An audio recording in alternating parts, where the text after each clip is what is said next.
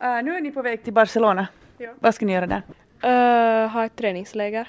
Vi ska träna fotis och ha träningsmatcher och sånt. Varför just Barcelona? Jag vet faktiskt inte. Det var våra tränare som valde att vi skulle fara dit och det finns väl ett bra läger här kanske.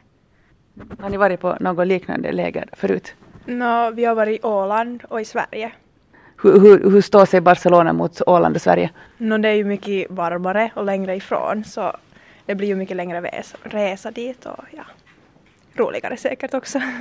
Just den här värmen, vad, vad kan det ge att, att få träna i i ett varmare klimat? Jag tror att det blir sen skönt att få ta en dopp efter träningen eller ja. Vad säger du, vad blir det bästa med att fara till Barcelona och träna? Nå, såklart värmen också och sen så finns det ju mycket annat att göra där också förutom att träna. Till exempel vara på stranden och sånt. Så ni tänker att ni ska hinna med annat än, än träna också? Jo, inte tränar vi hela dagen inte. Hur länge är det här lägret? Vi är där i fyra dagar. Men så vi reser som två dagar, så sex dagar som borta hemifrån. Ger det något sådär för inspirationen att fara iväg på en sån här grej istället för att fara till Åland? Ja, nog blir det ju kul att vara dit. Eller vad? Kommer ni att träffa någon Barcelona-spelare då? Jag vet faktiskt inte vad vi kommer möta för något lag där. Det kanske är några andra som är på samma det där lägre som vi är. Som vi kommer få möta då, i någon träningsmatch. Vad hoppas du att du ska få lära dig eller få ta med dig från det här lägret? Nå, jag vill ta ju med jättebra minnen och nu vill jag kanske lära mig att eh, för man reser ju inte med familjen då, man, fa- man reser med vänner så att det blir ju en helt ny upplevelse. Vad tänker du att du kan lära dig på det här lägret?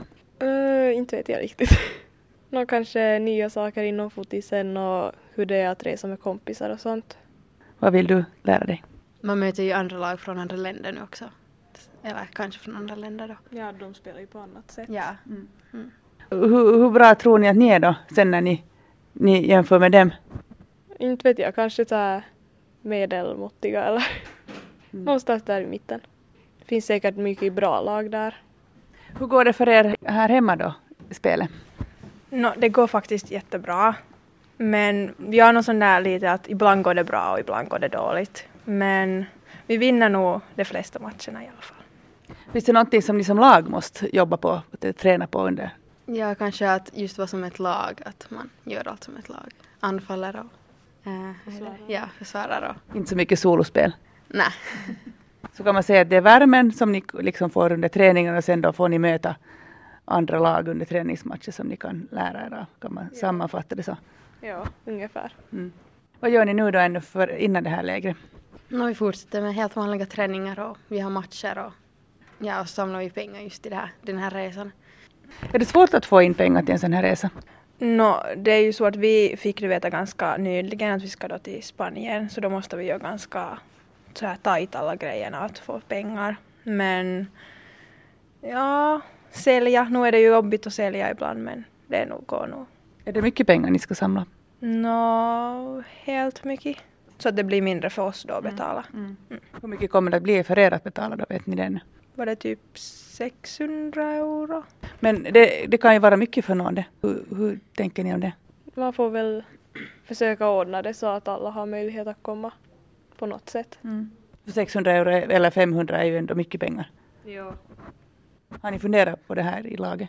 Ja, nu var det ju mycket funderingar när vi skulle anmäla om vem som ville komma och vem som inte kunde. Men det här när vi fått också sådana här eh, sponsorer och så har vi har sälj- sålt och sånt så vi har ju nog som fått in pengar också.